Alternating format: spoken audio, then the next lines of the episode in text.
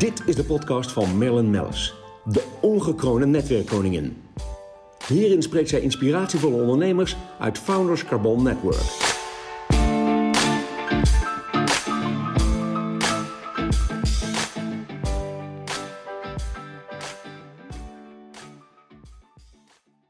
Podcast wordt mede mogelijk gemaakt door Blenheim Advocaten. Nou, goedemorgen. We zitten hier heerlijk aan tafel uh, in Amsterdam op de Koningslaan uh, bij Founders Carbon Network, Managers Carbon Network met uh, twee prachtige, fijne um, FCN-leden en ook trusted advisors binnen onze groep.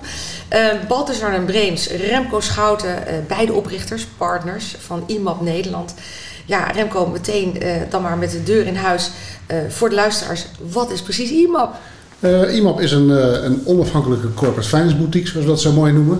Uh, dat zich bezighoudt met fusies, overnames, financieringen en waarderingen van ondernemingen. We zijn lid van een internationaal netwerk, dus we zijn niet alleen beperkt tot de Nederlandse markt. Maar kunnen ook heel makkelijk overal ter wereld kopers en verkopers vinden voor ondernemingen. Ja, fantastisch. Nou ja, daar hebben we ook inmiddels al heel veel ervaringen mee opgedaan, onderling en ook uh, met de leden. Dus dat is heel fijn. Heel gezellig dat jullie hier uh, aan tafel zitten. Nou, we zitten nog een beetje in de, in de naweeën van de COVID. En uh, we hebben dus geen files gehad vanochtend. Dus we, we kwamen al vrolijk het kantoor binnenzeilen. Ja, dat was makkelijk vandaag. Hè? Dat was heel makkelijk. Ja, ja Balthasar, ja, eigenlijk, de reis is altijd heel prangend. De vraag bij ieder ondernemer uh, wil ik verkopen, uh, maar wanneer is dan de juiste tijd om te verkopen? Is dit de juiste tijd om te verkopen? Eigenlijk moet ik aan jou stellen, Remco. Ja. Is dit het juiste moment om je tent te verkopen? Om eerlijk te zijn, het is nooit het juiste moment. Of je bent te vroeg of je bent te laat. Het zou wel heel oh. bijzonder zijn als je exact op het juiste moment uh, de juiste prijs voor je onderneming krijgt. Er zijn zat voorbeelden waar het ook mis is gegaan. Ik denk aan de financiële crisis, waar veel bedrijven het heel goed deden vlak voor de crisis en dachten, nou we pakken er nog een jaar bij dan kan ik nog mooi een jaar goed winst maken en dan ga ik het daarna verkopen. Bij sommigen is dat uh, vrij zuur afgelopen en soms zelfs gelijk in een faillissement. Dus het is niet altijd het juiste moment. Let nee, goed op, precies. verkopen wanneer het je uitkomt. Ja, nee, dat is echt jouw devies. Kijk absoluut. niet achterom en gewoon doen. Ja, absoluut. Uh, mensen moeten ook niet achterom kijken van ik had het misschien een jaar later of een jaar eerder moeten doen. Ja. Je, moet, je moet je gevoel volgen. Als je op dit moment wil verkopen, moet je het ook gaan doen. Ja. En zorg ervoor dat je goed voorbereid bent. Dat is natuurlijk wel belangrijk. Maar pak je moment wat je, wat je past en luister niet naar de markt. Nee, en het was ook wel grappig, want uh, ja, we zitten natuurlijk, we ontmoeten elkaar toch binnen het netwerk. Uh, ontmoet je elkaar eens bij een diner of een lunch of een, of een event of wat dan ook, of een business meeting. En dan uh, krijg je deze vraag. Um, maar dan kom ik eigenlijk weer naar de volgende vraag van wat ik ook steeds hoor, van hoe, maar hoe vind ik dan de juiste koper? Want daar zit zoveel onkunde. Uh, kijk ook naar mezelf. Dan denk ik, ja, hoe zou je dan de juiste koper voor een bedrijf vinden? Dus Balthazar, volgens mij is dat helemaal jouw expertise, hè? Ja, nou ja, het is uh, expertise van ons, uh, van ons bedrijf. We werken met twintig mensen. we hebben twee kantoren in, in Nederland. eentje in Amsterdam en één in Rotterdam. En alle twintig mensen die doen hetzelfde werk en helpen ons bij het verkopen van bedrijven. Ja. Maar inderdaad, het is uh, altijd zeer de vraag hoe vind je nou de juiste koper voor mijn bedrijf. En daar besteden wij veel aandacht aan in de voorbereiding. Als een klant bij ons komt en die wil zijn bedrijf verkopen, dan gaan we toch ook goed nadenken met zo iemand van wie, wie, wie zou nou echt interesse hebben in, in mijn onderneming. En uh, er zijn eigenlijk twee groepen kopers. Je hebt financiële kopers en je hebt uh, strategische kopers. Maar er zijn natuurlijk ook kopers die uit het uh, buitenland komen. Ja, ik kan me voorstellen dat je als je ergens, als je iemand krijgt, dat je, ja, je hebt altijd eigenlijk een vast, een stramine, een vast aantal bedrijven waar je denkt, ja, dat is mooi om aan elkaar te rijgen. Maar ik merk bij jullie ook vaak dat jullie ook durven ook out of the box te denken. Er komen eigenlijk de mooiste fusies en overnames uit. Ja, ja want jullie hebben natuurlijk de, ook de buitenlandse toetreders. Ja, als je kijkt naar, uh, naar je bedrijf en, en, er wordt heel vaak gedacht uh, bij een ondernemer, nou ik ga maar naar een stratege of uh, mijn concurrent moet mij kopen, maar dat hoeft helemaal niet zo te zijn. Hè. Er zijn ook in, in de keten van een, waar, in de keten van de sector waar een bedrijf actief is, ja. Daar zijn ook uh, bijvoorbeeld bedrijven die voorwaarts willen integreren of achterwaarts willen integreren. Of uh, juist de bedrijven die een nieuwe toetreder zijn op jouw markt. Nou, het is de zaak dat we die met z'n allen gaan vinden. Ja. En wij worden daar heel vaak geholpen door, uh, door sectorambassadeurs, noemen we dat. Mensen die ja, aan ons gelieerd zijn of een, ons een warm hart toedragen. Die mensen die zijn expert die hebben expertise in een bepaalde sector en eh, die helpen ons eh, meedenken. Ja, ja maar Misschien, meedenken, ja. Wat wil je zeggen, ja? Ja, misschien ook wel eens kijken naar, naar buitenlandse kopers. We hebben veel eh, eh, klanten die eh, internationaal opereren, eh, zelfs over de hele wereld. Denk aan logistieke dienstverleners op het gebied bijvoorbeeld van tankcontainer operators. Dus Ja. Dat gaat over heel de wereld. Dan vind je geen koper in Nederland. Dan moet je over de grens gaan kijken. Precies. En dat kan overal zijn. Hè. We hebben recentelijk bijvoorbeeld zo'n partij verkocht aan een Amerikaanse koper. En dat is dan het mooie van het internationaal netwerk van, eh van IMAP. We kunnen overal terecht. Ja. Eh, Ik, ik hou ontzettend van voorbeelden, dus kom Ja. lekker door met voorbeelden zo meteen tijdens onze gesprekken. Dat vind ik Ja. altijd mooi, ja. Nou, dat is goed. Ik heb er wel eentje hoor, voor, Ja, voor nou, de vertel. internationale verkoop. Ja, Ehm, daar, daar komt ook een eh, publicatie van. Is een bedrijf Maximum. Die zit in HR dienstverlening. En die doen employer branding. Engelse naam, maar een internationale markt is dat. Zij eh, waren bij een marktleider in Nederland. Toen hebben we lang gezocht eh, naar een goede koper. Hebben uiteindelijk in Amerika via onze Amerikaanse partners een vergelijkbaar bedrijf eh, gevonden die door private equity eh, gesponsord eh, waren en die de stap naar het Europese Europa, vaste ja, ja. Europa wilden nemen. Nou, toen hebben we die aan elkaar gekoppeld, hebben we natuurlijk een fantastische transactie kunnen doen Ja, tegen ook een veel hogere multiple dan je normaliter zou verwachten van een bedrijf. Ja, mooi. Ja, ik hou van dit soort verhalen, jongens. Ja. Je weet het. Ik vind het altijd fantastisch wat jullie neerzetten. Nou, dat is nog een voorbeeld. wel. Ik heb er ook nog eentje. Ja, kom maar door, jongens. Nou, we hebben er is, eh, van. Het is, eh, ik vind het ook zo leuk dat we met z'n drieën een podcast hebben. Want dat doet het met beide zaken. Dus Ja, heel ontzettend leuk. Vertel. Nou, dat is, dat is een bedrijf, eh velen bekend denk ik, dat heet Den Hartog eh, Container. Logistics. Ja. Die kennen we allemaal van tankcontainers over de weg. Sterker nog, die eigenaar. Schat van Ja. de vent. Ja, Ja, leuke nou, dat, dat, dat zijn ook containers die ook over heel de wereld gaan. Maar die moeten ook schoongemaakt worden. Dus er zijn een aantal cleaningstations in Nederland, België en, en sorry, Nederland, Frankrijk en Spanje. En die hebben we verkocht ook aan een Amerikaanse partij, eh Boasso, oftewel eh, eh, Quality Distribution International. Dat is een, eh, een, een partij in Florida. Dus die hebben we ook op die manier eh, gevonden en zo die cleaningstations in Europa aan de man gebracht aan een Amerikaanse partij. Ja, fantastisch, hè? Ja. Oh, dat zijn zulke mooie Dat kunnen wij. Ja. Ja, dat kunnen. Ja, Ja, jullie maar niet alleen in Amerika, want het gebeurt ook, in de landen om ons heen. We Ik wou doen ook veel met België je bijvoorbeeld. doet ook veel met België. Ja, Ja. Hoe, hoe is dat om met Belgen te werken? Want ik hoorde altijd, ja, eh, eh, weet je, eh, ja, eh, omstreden verhalen van, eh, het duurt soms lang, je weet niet altijd waar je aan toe bent. Je denkt dat je een deal hebt, maar dan heb je het niet. Eh, ze zijn wel anders dan de Duitsers. Er wordt altijd gezegd, ja, één Europa. Hè? Moest Mhm. een beetje aan denken dat tijdens de verkiezingen een paar dagen geleden met eh, Volt eh, en ook D66, dat is allemaal voor één Europa. Maar dat is niet makkelijk, want we, we zijn allemaal anders. Ik merk dat onder andere inderdaad met, met België. Maar jij hebt dus inderdaad mooie, mooie transacties kunnen doen. Je hebt twee soorten Belgen. Je Ja. hebt de Walloniërs en je hebt de Vlamingen. En met de Vlamingen is het eh, zeker de laatste jaren prima zaken doen. Mooi, Die ja. lijken een beetje op de Nederlanders. Ja, het is toch grappig, hè? Ja, Ja. ja. goh, ik, eh, ik moet zeggen, we hebben eh, eh, ook eh, op dit moment FCN uitgebreid ook naar Duitsland. Hè, een Ja, heel goed, En, eh, ja. Eh, maar je merkt ook dat de Denen en Zweden, die, eh, dat dat loopt. We gaan trouwens ook naar Berlijn met z'n allen, dus dat wordt weer helemaal gezellig. Ja. Nou, het, is leuke, het leuke van eh IMAP is natuurlijk dat behalve België en Duitsland zitten we in eh, 45 landen.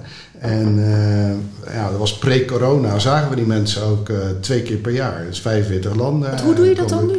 Nou, ja, nu wordt er heel veel virtueel gedaan. Ja. Eh, veel eh, of, of offline, of bellen, of eh, seminars op, eh, via eh, Zoom. Ja, want je wil Eh, elkaar toch op de hoogte ja. houden van wat, wat er loopt aan transacties en ideeën en mogelijkheden. Want dat is jullie out-of-the-box stukje. Ja, dat vind ik echt ja, heel juist leuk. overleggen ja, over deal, Ja. eh, de- deals met elkaar creëren, zeg maar, van eh, over de grens. Waar zou je nou het beste een transactie kunnen doen? Ja, 45 landen. Ja, bij mij kriebelt dan weer de vraag dat, dat, dat welke continenten zijn het? Dus Europa, Amerika, begrepen? Ja.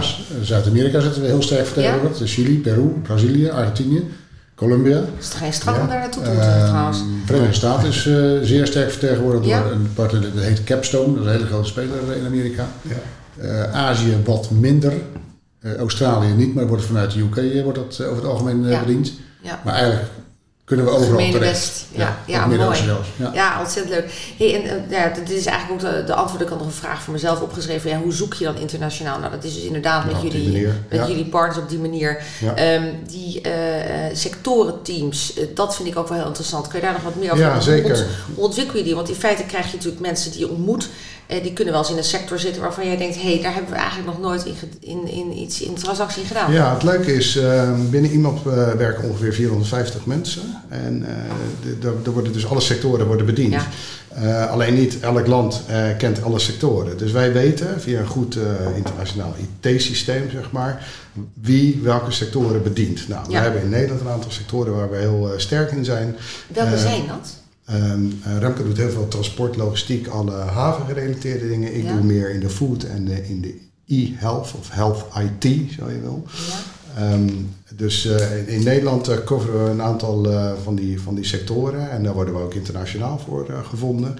Maar andere landen bedienen weer andere sectoren. Die kunnen we gewoon aanschakelen op het moment dat we daar vragen over ja, hebben. Mooi. En dat werkt heel snel en dat komt ook omdat wij ze kennen. Wij, ja. Wij, wij, ja, je kent elkaar persoonlijk. Ja, persoonlijk dus, ja. Je pakt letterlijk even de telefoon of een appje of ja, heerlijk Zeker, werkt dat tegenwoordig. Door die conferenties eigenlijk, die, die we twee keer per jaar normaal gesproken hebben. En dan zien we elkaar, dat is erg leuk. Dat is ergens ter wereld, een hele mooie plekken meestal. Ja, geweldig. Dat inspireert enorm. Uh, ja. Ja, maar mooi. even de sector in principe bedienen wel iedere sector. Alleen sommige sectoren zijn we gewoon wat beter in. Ja. Omdat we daar door de jaren heen veel transacties in hebben gedaan. Ja. Maar business services, om maar wat te noemen.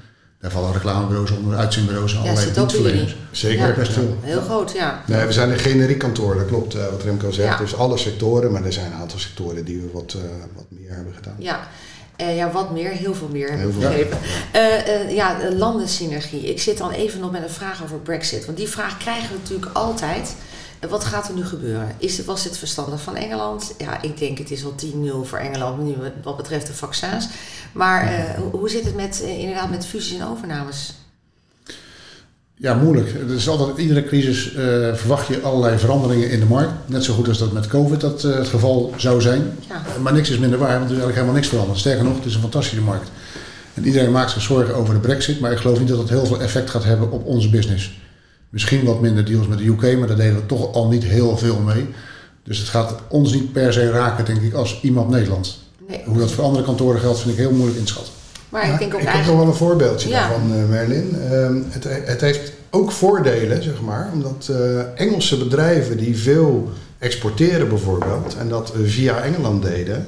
Uh, nu tegen beperkingen aanlopen vanwege allerlei contracten die ze met andere landen moeten, moeten gaan sluiten. Ja. Dus er zijn Engelse bedrijven die hebben in Nederland soortgelijke bedrijven overgenomen om een bedrijf in Europa te hebben. Die laten die stroom nu via uh, Europa Ja, lopen. Veel groente- en fruitbedrijven bijvoorbeeld hebben Ja. dat gedaan. Oh, dat is inderdaad. Ja, dus Ja. een groente- en fruit in- en exportbedrijf uit Engeland. Die koopt een Nederlands bedrijf. Ik heb daar uh, twee jaar geleden eentje uh, verkocht aan een Engels bedrijf. En die, uh, die doen dat nou gewoon allemaal toch weer via de Europese Unie. Wat een slimmerik. Ja, ze, ze zijn wel slim die Engels. Het is ook gezellig zaken doen. Over gezellig zeker, zaken doen gesproken. absoluut, ja. Jongens, en dan ja, dan hebben we eigenlijk voor jullie beiden de vraag: van, hoe krijg je nou het, beste resultaat? Je had het net over, je, je weet eigenlijk nooit of het het juiste moment is. En ik, ja, je, op een gegeven moment neem je de beslissing en je gaat je tent verkopen. Daar moet je ook achter staan. Maar hoe krijg je dan het beste resultaat? Nou, jij zei net al, doordat wij zo breed zijn en zo worldwide. Uh, onze, onze voelsprieten uitsteken en kunnen kijken uh, waar we eventueel mee kunnen uh, gaan fuseren en of dealen, um, krijg je waarschijnlijk ook het beste resultaat. Maar hebben jullie voorbeelden ervan? En, en ik denk ook een, stuk, een goede voorbereiding is ook alles. Dus wat, waar, daar helpen jullie toch ook mee? Voorbereiding is het half werk. Zorg ja. dat, je, dat je klaar staat als ondernemer om je onderneming te verkopen. Ja. Dat je dossiers op orde zijn, dat, je, nou, dat alles geregeld is wat, wat netjes moet zijn. Dat je eigenlijk de, de veldjes, om het zo maar te zeggen, uitpoetst. Hè. Er zitten allerlei mooie sponsorcontractjes in die misschien niks toevoegen aan de onderneming en allerlei andere zaken die niet uh, strikt relevant zijn. Dus die zou je er gewoon uit moeten halen en zorg dat je gewoon als een schone onderneming klaar staat om de verkoop in te gaan. Ja, dus dat, dus dat, een hele verkoop klaarmaken, in Ja. feite kunnen jullie van A tot Z begeleiden. Ja. Ja, uh, begeleiden. We doen het niet. Hè. Dat is Nee, meer, nee, maar we begeleiden het wel. Ja, ze fantastisch. doen. Ja. Hey, en dan, de, dan moet zo'n onderneming, ge- ja, moet er een presentatie Ja. moet gepresenteerd worden. Hoe, hoe moet ik me dat voorstellen? Nou, ik denk als je, eh, het is, eh, je moet natuurlijk een goede verkoopbrochure maken. Je moet zorgen dat je eh, een goede presentatie maakt van het bedrijf. Dat je duidelijk over de bühne brengt van wat verkopen we nou. Daarin moeten ook synergieën duidelijk gemaakt worden. Ja, en waar, waar liggen de mogelijkheden? Waar liggen de mogelijkheden? Wij noemen dat ook wel equity story. Je moet, eh, het bedrijf aan zich is het bedrijf, maar die heeft ook een, eh, een strategie. Die Ja. wil ergens naartoe. En samen met de koperselectie kan je voor die specifieke koper ook heel duidelijk maken waar de synergieën liggen voor die specifieke koper. Ja. En eh, op die manier kan je een goed verhaal maken. En dat goede verhaal moet je in de markt zetten. Ja, met zo'n duidelijke storytelling denk ik, helpt natuurlijk ook heel erg, want dat is ook wat jullie doen. Je denkt eigenlijk mee met de volgende koper. En hoe, hoe kun je het verder uitbouwen. En, Zeker. eh, ja, precies. Leuk. Ja, met name wat je zegt, storytelling, dat is een hele belangrijke term, denk ik. Dat is met name van de laatste jaren. Vroeger had je... Ja, kind nooit van gehoord. We zeiden gewoon, schrijven een goed verhaal. Precies. Ja, nee, maar dat zeggen we nog absoluut. steeds hoor. Ja, Ja, ja, mooi. en leg uit waarom je iets wil en waarom Ja. onderneming gekomen is, waar die is en waar die naartoe gaat. Ja. En dat is heel belangrijk om dat op een goede manier eh, op te schrijven. Zeker. En dan, ehm, eh, ja, op zo'n moment dat dat klaar ligt, da- dan komt eigenlijk het grote werk, de, de koperselectie hè, maken. Dus dan, eh, ja. Nou, het, het selecteren van de juiste koper maakt natuurlijk ook dat je je beste resultaat eh, kan realiseren bij de verkoop van een bedrijf. hè. Ja. Dat, eh, dat is natuurlijk van, eh, ook van eh, heel groot belang. ja. Eh, naast dat je je proces heel goed moet eh, runnen. Ehm, en op het juiste moment ook de competitie in het proces eh, moet brengen. Wat bedoel je daarmee? Nou, ehm, er zijn verschillende kopers, wat ik eh, net al zei. Er zouden financiële kopers kunnen zijn, strategische kopers, buitenlandse kopers. Daar maak je een selectie van. Die ga je benaderen met die, met die brochure of ze interesse hebben. Eh, op het moment dat, eh, dat ze interesse hebben, dan moet je ze op het juiste moment tegelijkertijd in Ja, het proces trekken. dat een er, beetje een competitief proces Drie, maken. eh, nee, precies Ja. op die manier. Dat er drie willen happen. Ja, Ja. dat is natuurlijk mooi. Voilà. Ja. Wat ook belangrijk is, wat wil de klant? Het gaat enerzijds natuurlijk om prijs, maar ook wat gaat er met zijn onderneming gebeuren. Eh, wil, wil hij de naam behouden? Eh, gaat hij nog een rol spelen in de toekomst in de onderneming of gaat hij gelijk weg? Ja, precies, wat laat je, dat is natuurlijk in eerste instantie al de eerste vraag die je stelt. Van, wil, wil je aanblijven? Ja. eh, wel of niet met aandelen? Ja. Hoeveel jaar wil je nog door? Wil je een tweede exit? Ja, ik kan me er alles bij voorstellen. Maar ehm, eh, hebben jullie daar echt een, eh, iets waar, waar jullie een voorliefde voor hebben? Hè? Ik kan me voorstellen een aantal eh private equity fondsen die bij mij eh, in de Founders Carbon Network zitten. Die zeggen, nee, we zijn van lange termijn strategie. En de ander zegt, nee hoor, twee, drie jaar eh, doorbuffelen en weer doorverkopen. Het is niet wat wij willen denken, het is meer wat, wat, eh, wat onze klant wil. Precies. En sommigen zeggen, ik wil niet naar een private equity partij die het over drie jaar weer met verkoopt. Nee. Ik, ik heb hard voor mijn mensen, die hebben heel hard meegewerkt om te komen waar we staan met de onderneming. Ja. En ik wil er ook voor zorgen dat die op de lange termijn betrokken kunnen blijven bij de onderneming.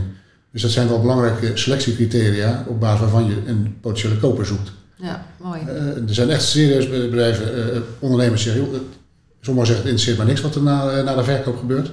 Maar de meesten gelukkig, die hebben hard voor de zaak en die willen ook dat hun personeel op een goede manier eh, eh, terechtkomt in de toekomst. Ja, ik denk dat dat ook belangrijk is. Zeker. Er zijn ook andere verkopers, hè, Merlin. Er zijn verkopers die, eh, die eh, willen doorgroeien. En die zeggen, joh, ik kan dat niet helemaal alleen doen. Of ik heb juist financiële middelen nodig om, eh, om verder mijn eh, bedrijf uit te rollen. Of internationaal uit te rollen. En die zoeken daar een financiële partij bij eh, om het samen te doen. Dus dat zijn de kopers die zeker aan boord blijven. En een financiële partij erbij. Dus eh, misschien de FCN-leden die, eh, die daar Ja. interesse in hebben. Ja. En dan Nou, we samen. toevallig, ja, eh, we weten er wel een paar. we, toevallig hebben we op dit moment Springhouse Sessions dus meeting. Zijn inderdaad een aantal partijen die, eh, die dat heel graag willen. Die willen heel graag naar het buitenland uitrollen. Bijvoorbeeld. Ja. En eh, één partij inderdaad gewoon Duitsland. Omdat eh, daar een hele grote markt is. Maar de andere toevallig naar het, naar het Verre Oosten. Ja. Ook daar zijn we ook goed... ja, da- daar kennen we onze wegen ook goed. Wat leuk. Ja jongens, fantastisch. Ja, ik, ik besluit altijd een beetje met... Hebben jullie nog een leuke tip voor iemand die luistert? Eh, die denkt, ja, ik, ik, eh, dat kan ik me nou ook voorstellen. Ik weet nu al wat er dan aan een vraag bij mij weer binnenkomt. Is, eh, ik wil het nu eigenlijk nog niet verkopen. Maar ik denk, over drie jaar moet het wel zover zijn. Is het dan al eigenlijk het moment om dan ook al nu naar jullie toe te komen?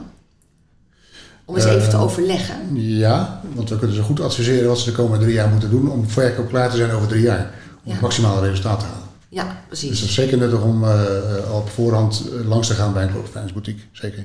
Ja, nou ja, dat zijn Ja, je moet je goed voorbereiden. Neem daar gewoon de tijd voor. Denk ook, eh, na. Denk ook na wat je bedrijf in een volgende fase zou kunnen betekenen voor, voor een potentiële koper. Ehm, ik zeg ook altijd wel eh, tegen mensen die ik ontmoet, die zeggen, "Joh, over een paar jaar wil ik mijn bedrijf verkopen. Dan vraag ik altijd, "Ah, maar aan wie wil je die dan verkopen? Ga daar alvast over nadenken, zodat je nu stappen kan nemen om je bedrijf klaar te maken, juist voor die koper waaraan jij denkt. te Ja, mooi. Ja, want je merkt nu hè, met die hele transitie, natuurlijk, er is heel veel heel snel gegaan door de, door de COVID-19, hè, door het hele corona-verhaal. Zie je dat een aantal bedrijven heel snel moeten schakelen, dus inderdaad naar online bijvoorbeeld. Ja. Eh, toch naar andere strategieën, andere manier van denken, eh, op een hele creatieve manier met hun bedrijf om moeten gaan. Dat ligt niet altijd iedereen. Dus die vraag heb je natuurlijk nu ook. En eh, dan is het inderdaad mooi als het te- tegen een partij aan geklapt kan worden, letterlijk, die, Ja. die dat in huis heeft. Nou ja, dat maakt het voor ons ook wel wat lastig. Want uiteindelijk, als je je bedrijf gaat verkopen en je gaat onderhandelen, dan willen mensen wel zien. Het gaat niet alleen om de verbale, maar ook om de non-verbale communicatie. Ja. En dat is natuurlijk lastig te zien op een, op een schermpje. Dus je kan best wel heel veel doen op het scherm, ook voorbereidingen treffen, maar uiteindelijk zou je elkaar toch een keer moeten treffen. Dat geldt net zo goed voor de keuze van een corporate finance boutique. Ja. Het is belangrijk om mensen te zien, want je gaat een belangrijk proces in. Een van de belangrijkste processen in je leven is je bedrijf verkopen. Ja, zorg ervoor dat je met meerdere partijen praat en dat je dan een goede selectie maakt. Wat goed bij je voelt en waar je het idee hebt dat zij het, het maximaal eruit gaan halen. ja, dat zeggen jullie altijd heel goed. Het is eh, people business en eh, praat vooral met meerdere partijen. En maak dan je keuze. En Absoluut. ehm, ook daarom zitten jullie ook bij ons eh, in de Trusted Ja. Advisors Ja. Leuk, mag ik jullie enorm bedanken voor jullie komst hierheen. Graag gedaan, Ik dankjewel. heb weer genoten. Het was eh, een, eh, een mooi gesprek. We zijn volledig over het aantal minuten heen alweer. Het Nee, was weer een veel te leuke podcast. we zijn ook met z'n tweeën, hè? Ja, we zijn jullie daarom. We zijn nu, nou, net zeggen, eigenlijk hadden we dubbele minuten moeten rekenen. Nee, jongens, gezellig. Ja, tot snel. We gaan zeker aan het eind van het jaar eens eventjes een mooie recap maken van hoe is het nu gegaan. Ook met jullie andere trusted advisors. Eh, ja, wat, hè, wat, wat is er gebeurd eh, in- binnen Nederland en in de wereld? Spannende tijden. Nou, er wordt een nieuw kabinet gevormd. Ook heel benieuwd of die aan de ondernemers gaat denken. Wat wordt, eh, het wordt nog een mooie, bijzondere tijd, denk ik, die we tegemoet gaan. Maar we hebben er ergens een, een lichtje aan het eind van de tunnel. Ja. Toch? Heel mooi. En onze business draait mooi door. Dus daar zijn we heel trots op. Nou, jullie kunnen ons volgen op Spotify, Soundcloud. En ik zie weer uit naar een volgende podcast. en deze is voor de zondagmorgen, denk ik, eh, mooi afgerond en eh, een gezellige podcast geworden. Erg leuk, Merlin. Erg leuk. Dankjewel, jongens. Dankjewel voor de uitnodiging. Volg Mail Mellers op Soundcloud en Spotify om op de hoogte te blijven van de nieuwste podcasts. Deze podcast werd mede mogelijk gemaakt door Blenheim Advocaten. De meestertip van de week van Rachel Maurits, arbeidsrechtadvocaat bij Blenheim is... Thuiswerken is als gevolg van de coronacrisis de norm. Naar verwachting zal dit in de toekomst ook gedeeltelijk zo blijven. Uit onderzoek blijkt dat het grootste deel van de werknemers ook na de coronacrisis graag thuis zal willen blijven werken. Momenteel bestaat er geen wettelijk recht op thuiswerken. Hiertoe is recent een wetsvoorstel ingediend. Op basis van de initiatiefwet Wet werken waar je wil, zal de mogelijkheid gaan bestaan om thuiswerken aan te vragen en zullen werkgevers enkel op basis van zwaarwegend bedrijfs- of dienstbelang een dergelijk verzoek mogen afwijzen in de toekomst. Om discussie over het recht op thuiswerken na de coronacrisis te voorkomen en te meer specifiek de discussie over wat nou een zwaarwegend bedrijfs- of dienstbelang is, adviseren wij om nu al een thuiswerkregeling voor het bedrijf op te stellen. Daarin kunnen onderwerpen worden geregeld als frequentie, inrichten van de thuiswerkplek, wijze van beschermen van bedrijfsgevoelige gegevens en bereikbaarheid en controle van de werknemer. Door deze regeling nu al op te stellen is voor iedere werknemer duidelijk of en onder welke voorwaarden thuiswerken ook na corona mogelijk zal zijn en zal dit bijdragen aan een soepele transitie naar de nieuwe situatie op de werkvloer. you